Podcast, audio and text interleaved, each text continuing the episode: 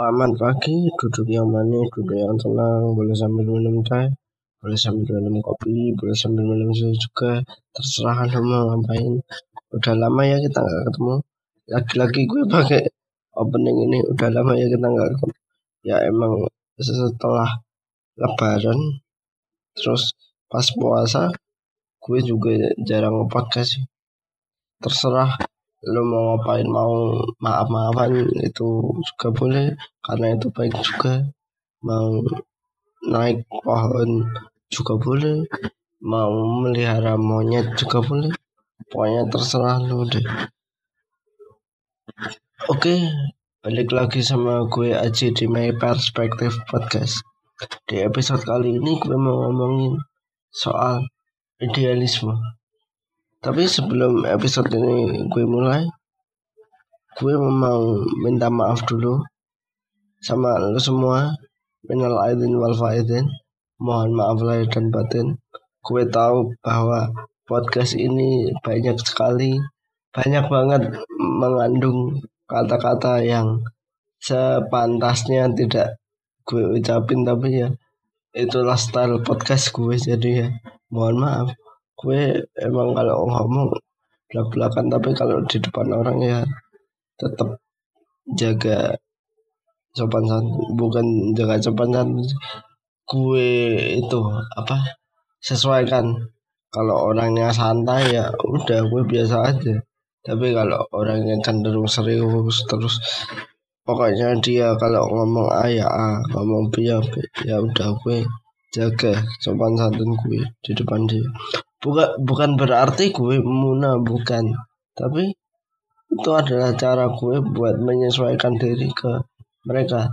Gue menempatkan watak gue yang A itu di situasi yang A. Gue menempatkan watak gue yang B itu di situasi yang sesuai yaitu di situasi B. Nggak bisa gue taruh watak gue yang A itu yang ceplos-ceplos di tempat yang cenderung serius di depan dosen, di depan siapa pun nggak bisa. Tapi kalau di situasi A, gue pakai apa kata yang B itu juga nggak bisa nggak asik deh. Ya kalau di tempat A sama teman gue ya gue gini. Sesuai sama apa yang lu denger. Ya mungkin uh, gue lebih cenderung kalah karena kadang-kadang temen gue lebih pinter sama gue buat nge-reference apa apaan ah bahasa Inggrisnya apa? Pronunciation gue susah. Re reference re ada ada itu pokoknya itulah apa balas dendam. Intinya balas dendam lupa. Temen gue tuh pinter banget balikin omongan orang jadi ya kadang gue kalah maaf. Pronunciation gue salah. Ya eh, kebanyakan itu out of topic. Oke biar gue mulai podcast kali ini dengan ngomongin idealisme. Idealisme itu apa sih? Gue bakal mulai dari situ. Idealisme menurut KBBI itu ada tiga tiga pemahaman, tiga definisi biar gue bacain. Yang pertama, idealisme adalah ilmu aliran ilmu filsafat yang menganggap pikiran atau cita-cita sebagai satu-satunya hal yang benar dan dapat dicamkan dan dipahami. Yang dapat dicamkan dan dipahami. Kedua, hidup atau berusaha hidup menurut cita-cita menurut patokan yang dianggap sempurna. Ketiga, aliran yang mementingkan hayal atau fantasi untuk menunjukkan keindahan dan kesempurnaan meskipun tidak sesuai dengan kenyataan. Kalau berdasarkan pemahaman atau pengertian yang ada di KBB, kita itu lebih cenderung mengenal definisi kedua dan definisi ketiga hidup atau berusaha hidup menurut cita-cita. Jadi kita pasti dari kecil itu punya pemikiran punya cita-cita. Pokoknya gue mau gini pokoknya gue mau jadi pilot pokoknya gue mau jadi tentara. Yang mana itu adalah cita-cita hoax bagi gue karena kondisi gue yang kayak gini. Jadi ya nggak mungkin gue terusin ya. Akhirnya gue menyerah dengan kenyataan. Atau yang ketiga kita lebih mengenal apa pemahaman atau definisi idealisme itu yang apa pemahaman nomor tiga juga. Aliran yang mementingkan hayal atau fantasi untuk menunjukkan keindahan dan kesempurnaan meskipun tidak sesuai dengan kenyataan. Kadangkala kita tuh lebih nyaman, lebih enak bermain dengan hayalan kita karena apa pun yang ada di hayalan kita itu pasti sesuai dengan yang kita inginkan. Kadangkala kita lebih nyaman dengan itu. Apalagi anak introvert itu lebih nyaman banget sama yang namanya hayalan di pikirannya lebih enak mikir sendiri lebih enak uh, ngatasin apa-apa sendiri bukan berarti tidak butuh orang lain bukan tapi anak introvert itu lebih nyaman ketika dia itu memiliki me time yang lebih untuk memikirkan se sebuah masalah atau beberapa masalah yang sedang menimpanya. Terus kenapa sih bang mau ngomongin soal idealisme? Karena yang gue tahu idealisme itu orang-orang akan melekatkan pada anak muda. Yang mana sebenarnya idealisme itu juga ada di dalam orang tua ketika orang tua lu pengen lu jadi polisi dan lu nggak bisa jadi polisi atau mungkin lu memang benar-benar jadi polisi. Sebenarnya ketika orang tua lu apa pengen lu jadi itu kan itu sebuah idealisme di dalam pikiran mereka. Itu kesesuaian yang mereka inginkan akan diri lo. Tapi yang perlu lo tahu lo sendiri juga punya idealisme sendiri. Entah lo mau jadi penyanyi entah lo mau jadi apa pun. Tapi yang perlu lo pahami idealisme itu sebenarnya juga dipengaruhi sama apa struktur sosial sama lingkungan sosial sekitar lo. Kalau bapak lu itu ternyata cuma petani atau bapak lu itu cuma uh, eh, PN eh bukan cuma sih kalau PN kalau misalkan keluarga lu ini keluarga miskin deh. Jangan gue enggak enggak gue enggak perlu sebutin apa. Itu si profesinya takutnya itu. Takutnya nge offense atau nyerang orang lain jadi ofensif ofensif lah gue takutnya. Itu malah nyerang orang lain maksud gue ofensif itu malah nggak enak nanti. Nah lu sendiri sebenarnya ada ada pengaruh itu pengaruh sosial. Kalau lu itu lahir sebagai orang miskin atau lu lahir di keluarga miskin atau kita deh karena gue juga sampai sekarang masih miskin. Itu idealismenya cenderung akan tinggi atau mungkin cenderung bagi orang-orang sekitar lo nggak mungkin tapi eh, kenapa idealisme itu ada mungkin karena lo lihat orang tua lo itu nggak senang hidupnya nggak nyaman hidupnya terus lo bercita-cita terus lo beridealisme akan sesuatu hal yang benar-benar tinggi bagi lo. Yang perlu lo ingat juga karena pengaruh struktur sosial atau lingkungan sosial ini, idealisme tinggi menurut A belum berarti eh bukan berarti tinggi menurut B. Itu sesuai tingkatan sosial di mana lo, gue, kalian semua hidup. Dan yang gue percaya idealisme itu karena pengaruh apa lingkungan sosial itu memiliki tingkatan idealisme yang mana tadi udah gue senggol, udah gue bahas, udah gue sentuh dikit soal itu soal ide tingkatan idealisme. Kalau lo lahir di keluarga yang cenderung atau ekonomi rendah, idealisme lo bakalan gini gini gini, bakalan tinggi, bakalan uh, apa? Bakalan pengen bahagiain keluarga atau semacamnya. Pokoknya ada faktor untuk mau ngebahagiain keluarga. Terus yang kedua kalau lo itu lahir di keluarga yang sederhana tapi udah mapan itu idealisme lo itu bakalan lebih tinggi lagi dan eh, cenderung idealisme lu itu udah udah apa udah memiliki persiapan yang rapi gitu loh. Itu terlepas nanti apa terlepas jadi kenyataan atau enggak itu beda urusan. Tapi sebenarnya di antara di antara itu semua itu cuma cuma pemahaman gue ya. Kalau gue salah ya mohon dikoreksi kalau bagi lo ada yang lebih benar soal idealisme itu gini loh bang. Ya udah lo chat gue lo DM ke gue atau lo boleh nambahin deh di DM gue nanti biar gue tambahin di episode lainnya.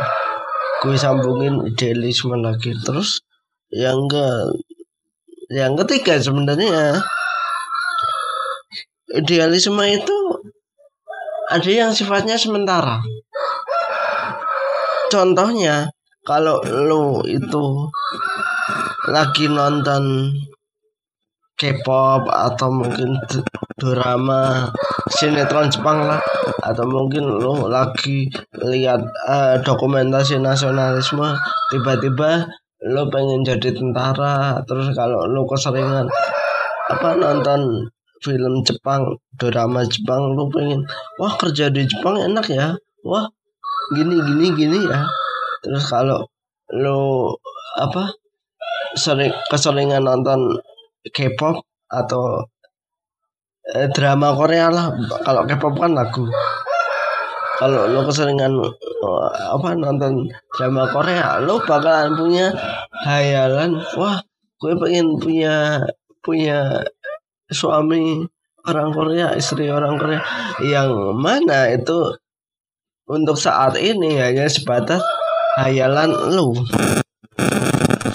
Hayalan lu, tapi sebenarnya seiring seiring perkembangan usia, seiring bertambahnya umur lu, umur kita semua, sebenarnya idealisme itu mulai menghilang karena kita dikecewakan sama kenyataan yang ada di sekitar kita. Kenyataan itu lebih mengarah ke hal lain daripada yang kita inginkan. Yang mana itu membuat gue, membuat lo, membuat kita semua itu akan cenderung sedikit demi sedikit melupakan idealisme itu dan menghilangkan semua idealisme yang udah lo bangun sedari awal. Karena yang gue tahu idealisme itu bakalan berapi-api ketika kita semua masih muda. Tapi ketika lo itu udah mikirin wah gue kerja di mana ya? Kok gue udah lulus tapi nganggur? Itu lo akan lebih pasrah ke kenyataan lebih menyerah kepada kenyataan. Yang mana oh bullshit lah. Ah lah.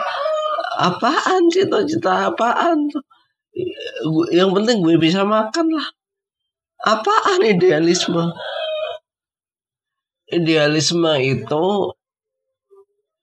ya seperti yang gue bilang tadi. Eh maaf. Mungkin uh, podcast kali ini akan ada itu apa background background suara ayam. Karena gue itu re recordnya siang hari. Jadi ya mohon maaf. Mohon maaf semuanya mungkin akan ada suara-suara ayam. Ya udah nggak apa-apa. Gue gue gue, gue terusin deh.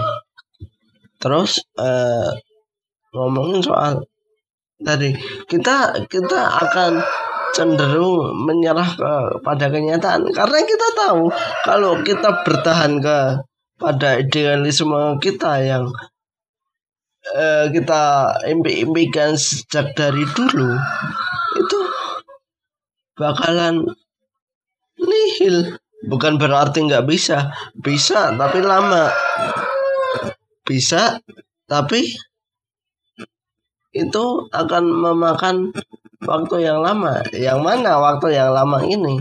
Lo tetap butuh makan. Kalau lo bertahan sama idealisme itu, lo nggak bakalan bisa makan.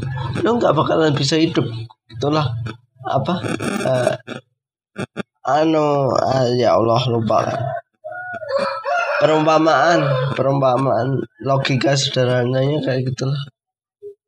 Apaan kalau Bang Andri TNM itu? Ah lupa. Eh terus yang kedua eh kok yang kedua? Apaan?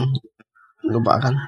Eh, nah soal ngomongin idealisme ada yang nanya ke gue Ci eh, idealisme lu itu apaan sih apakah sampai sekarang lo itu masih punya idealisme? Masih.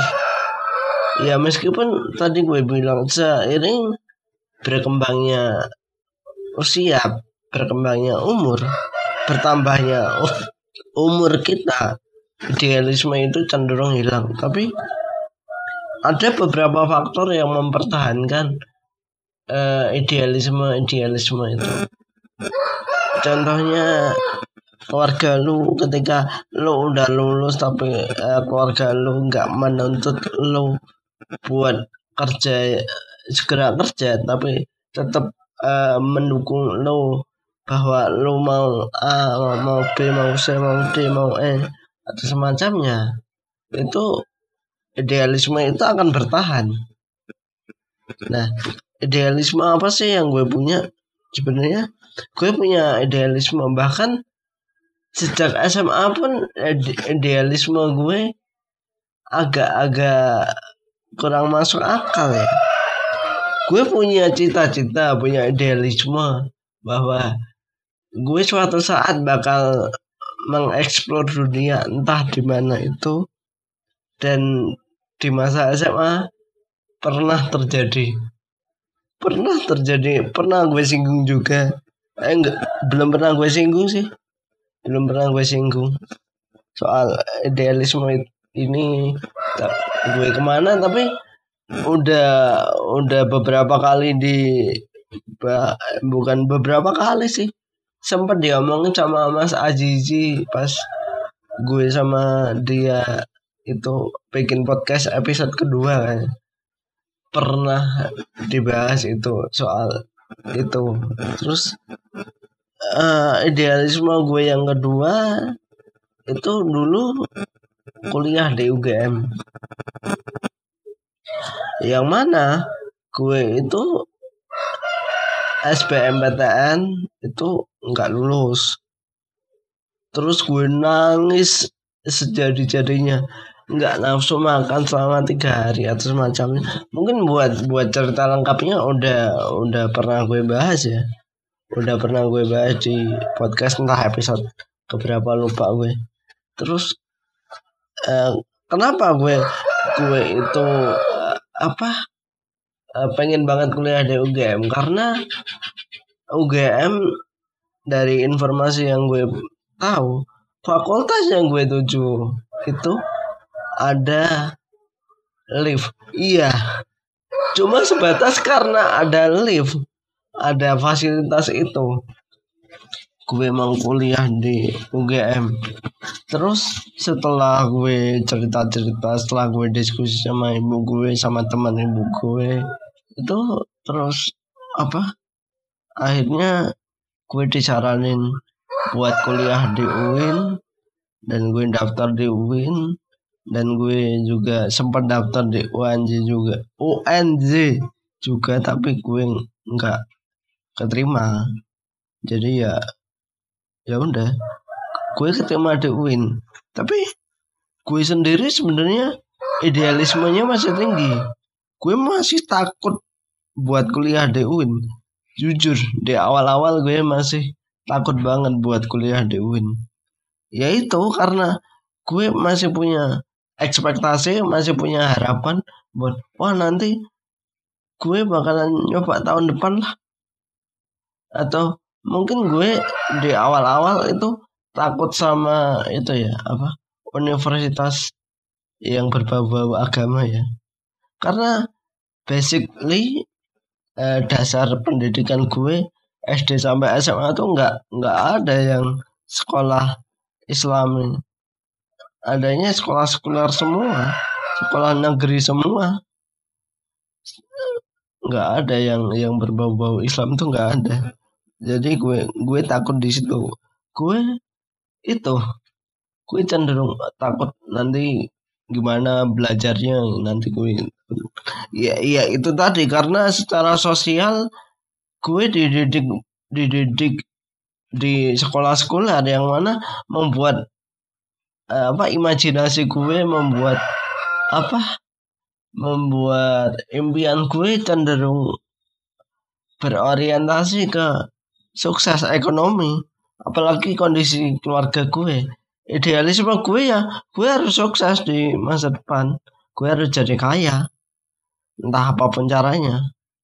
Yang penting halal. Tapi kalau kalau soal halal apa haram keluarga gue ketat banget ya. Enggak enggak enggak enggak enggak seketat enggak seketat apa? Enggak seketat itu sih. Maksud gue lumayan ketat tapi enggak tapi ya masih masih lah ada dalam koridor batas-batas yang kalau haram ya haram kalau halal ya halal. Enggak enggak yang aneh-aneh enggak pokoknya harus jelas. Keluarga gue masih di situ. Dan sebenarnya idealisme idealisme itu juga dipengaruhi sama orang lain sih. Karena beberapa idealisme gue ke depan yang masih gue simpan sampai sekarang itu dipengaruhi sama beberapa orang yang gue kenal entah itu di lingkungan kampus dulu ataupun di lingkungan uh, sekarang di lingkungan rumah sekarang. Karena itu pengaruh mereka itu benar-benar ku, kuat benar-benar sangat apa ya bagi gue tuh wah mereka bisa gini. Mereka oh ternyata mereka open open minded sama gue ya oh, maksudnya terbuka sama gue ya? Oh ternyata mereka bisa menerima gue ya? Jadi eh, karena pengaruh-pengaruh dari mereka dan dorongan-dorongan dari mereka gue masih ada beberapa ekspektasi yang gue keep sampai sekarang. Dan gue harap tahun depan bakalan terlaksana. Yang pertama gue pengen lanjut S2 Iya gue pengen lanjut S2 Mungkin buat beberapa dari lu Lu gila ya Ji. Lu aja baru lulus Sekarang masih nganggur uh, Mau S2 Lu yakin Bakalan punya kerjaan? Iya gue tahu sekarang gue masih nganggur. Gue lulusan S1 aja nganggur. Logikanya kalau S1 aja gue nganggur Kalau gue lebih tinggi ya kesempatan gue lebih lebih itulah. Lebih besar lah.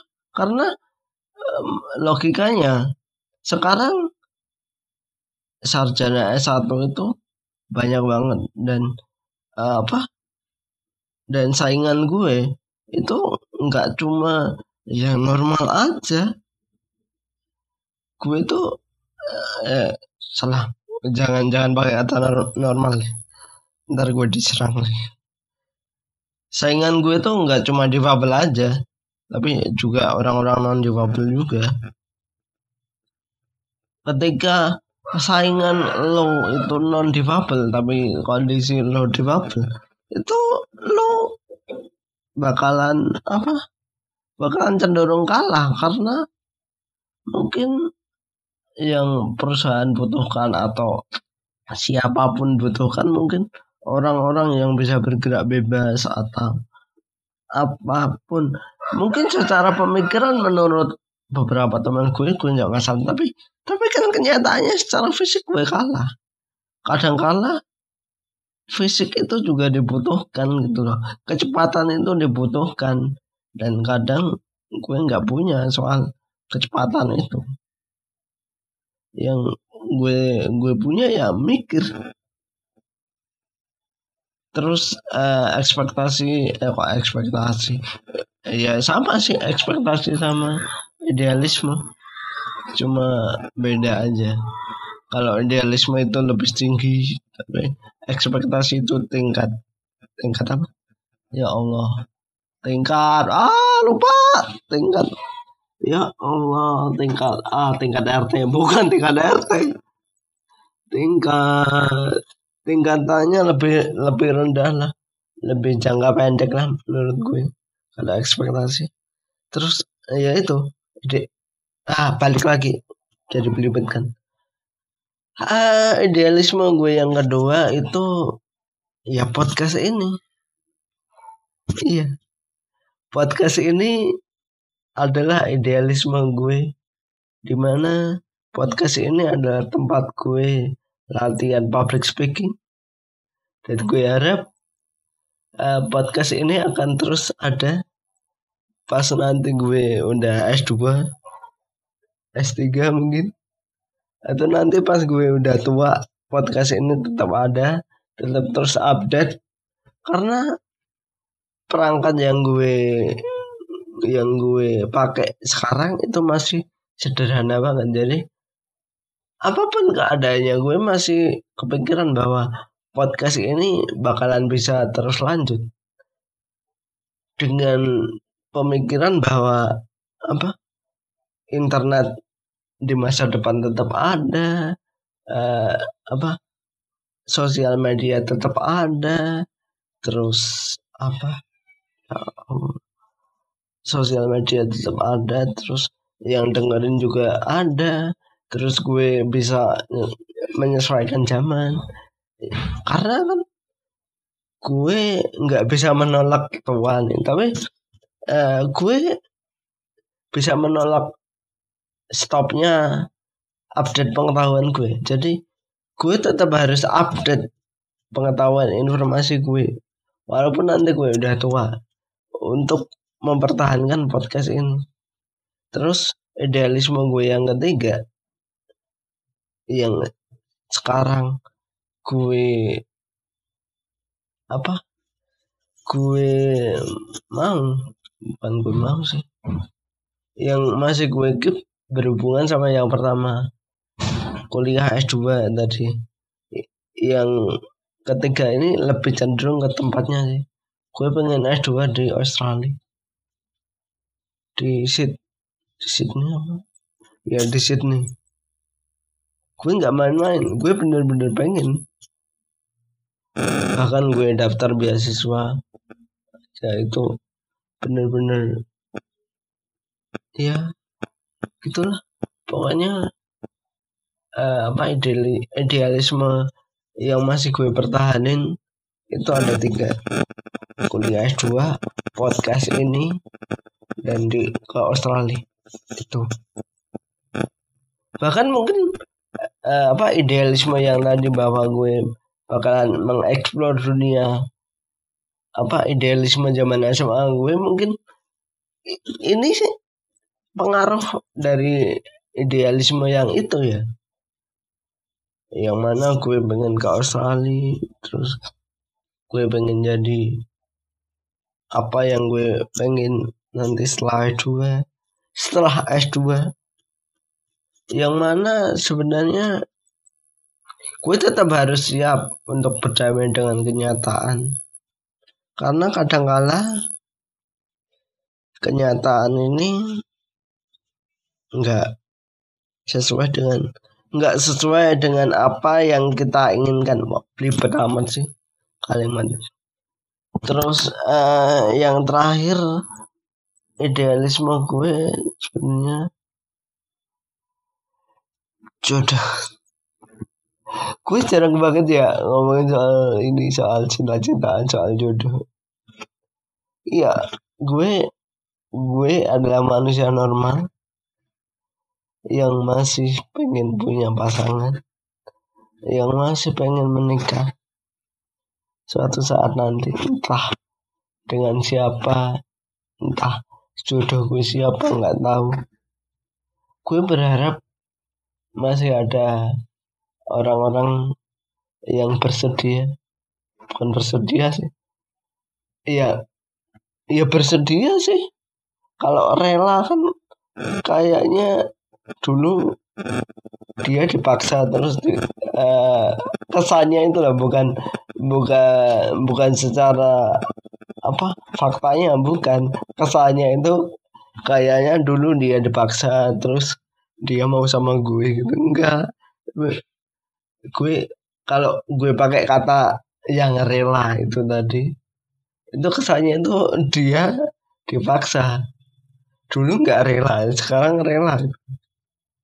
Itu kesannya kayak gitu. Mungkin eh, apa pesan terakhir yang bisa gue simpulin? Pertahanin idealisme lo ketika lingkungan sosial lo itu mendukung. Tapi eh, ketika lo menyerah dengan idealisme lo coba simpen idealisme itu lalu coba berusaha lagi. Ya kalaupun nggak bisa coba lo turunin ke anak lo. Semoga idealisme itu tercapai. Yang mana idealisme itu akan bertahan selamanya. Makasih. Mungkin cukup sekian podcast kali ini. Terima kasih udah dengerin. Dadah. Maaf episode kali ini ada noise-nya. Gue nggak tahu gimana ngeditnya. Gue udah usaha buat ngeditnya tapi beberapa bagian tetap ada noise-nya.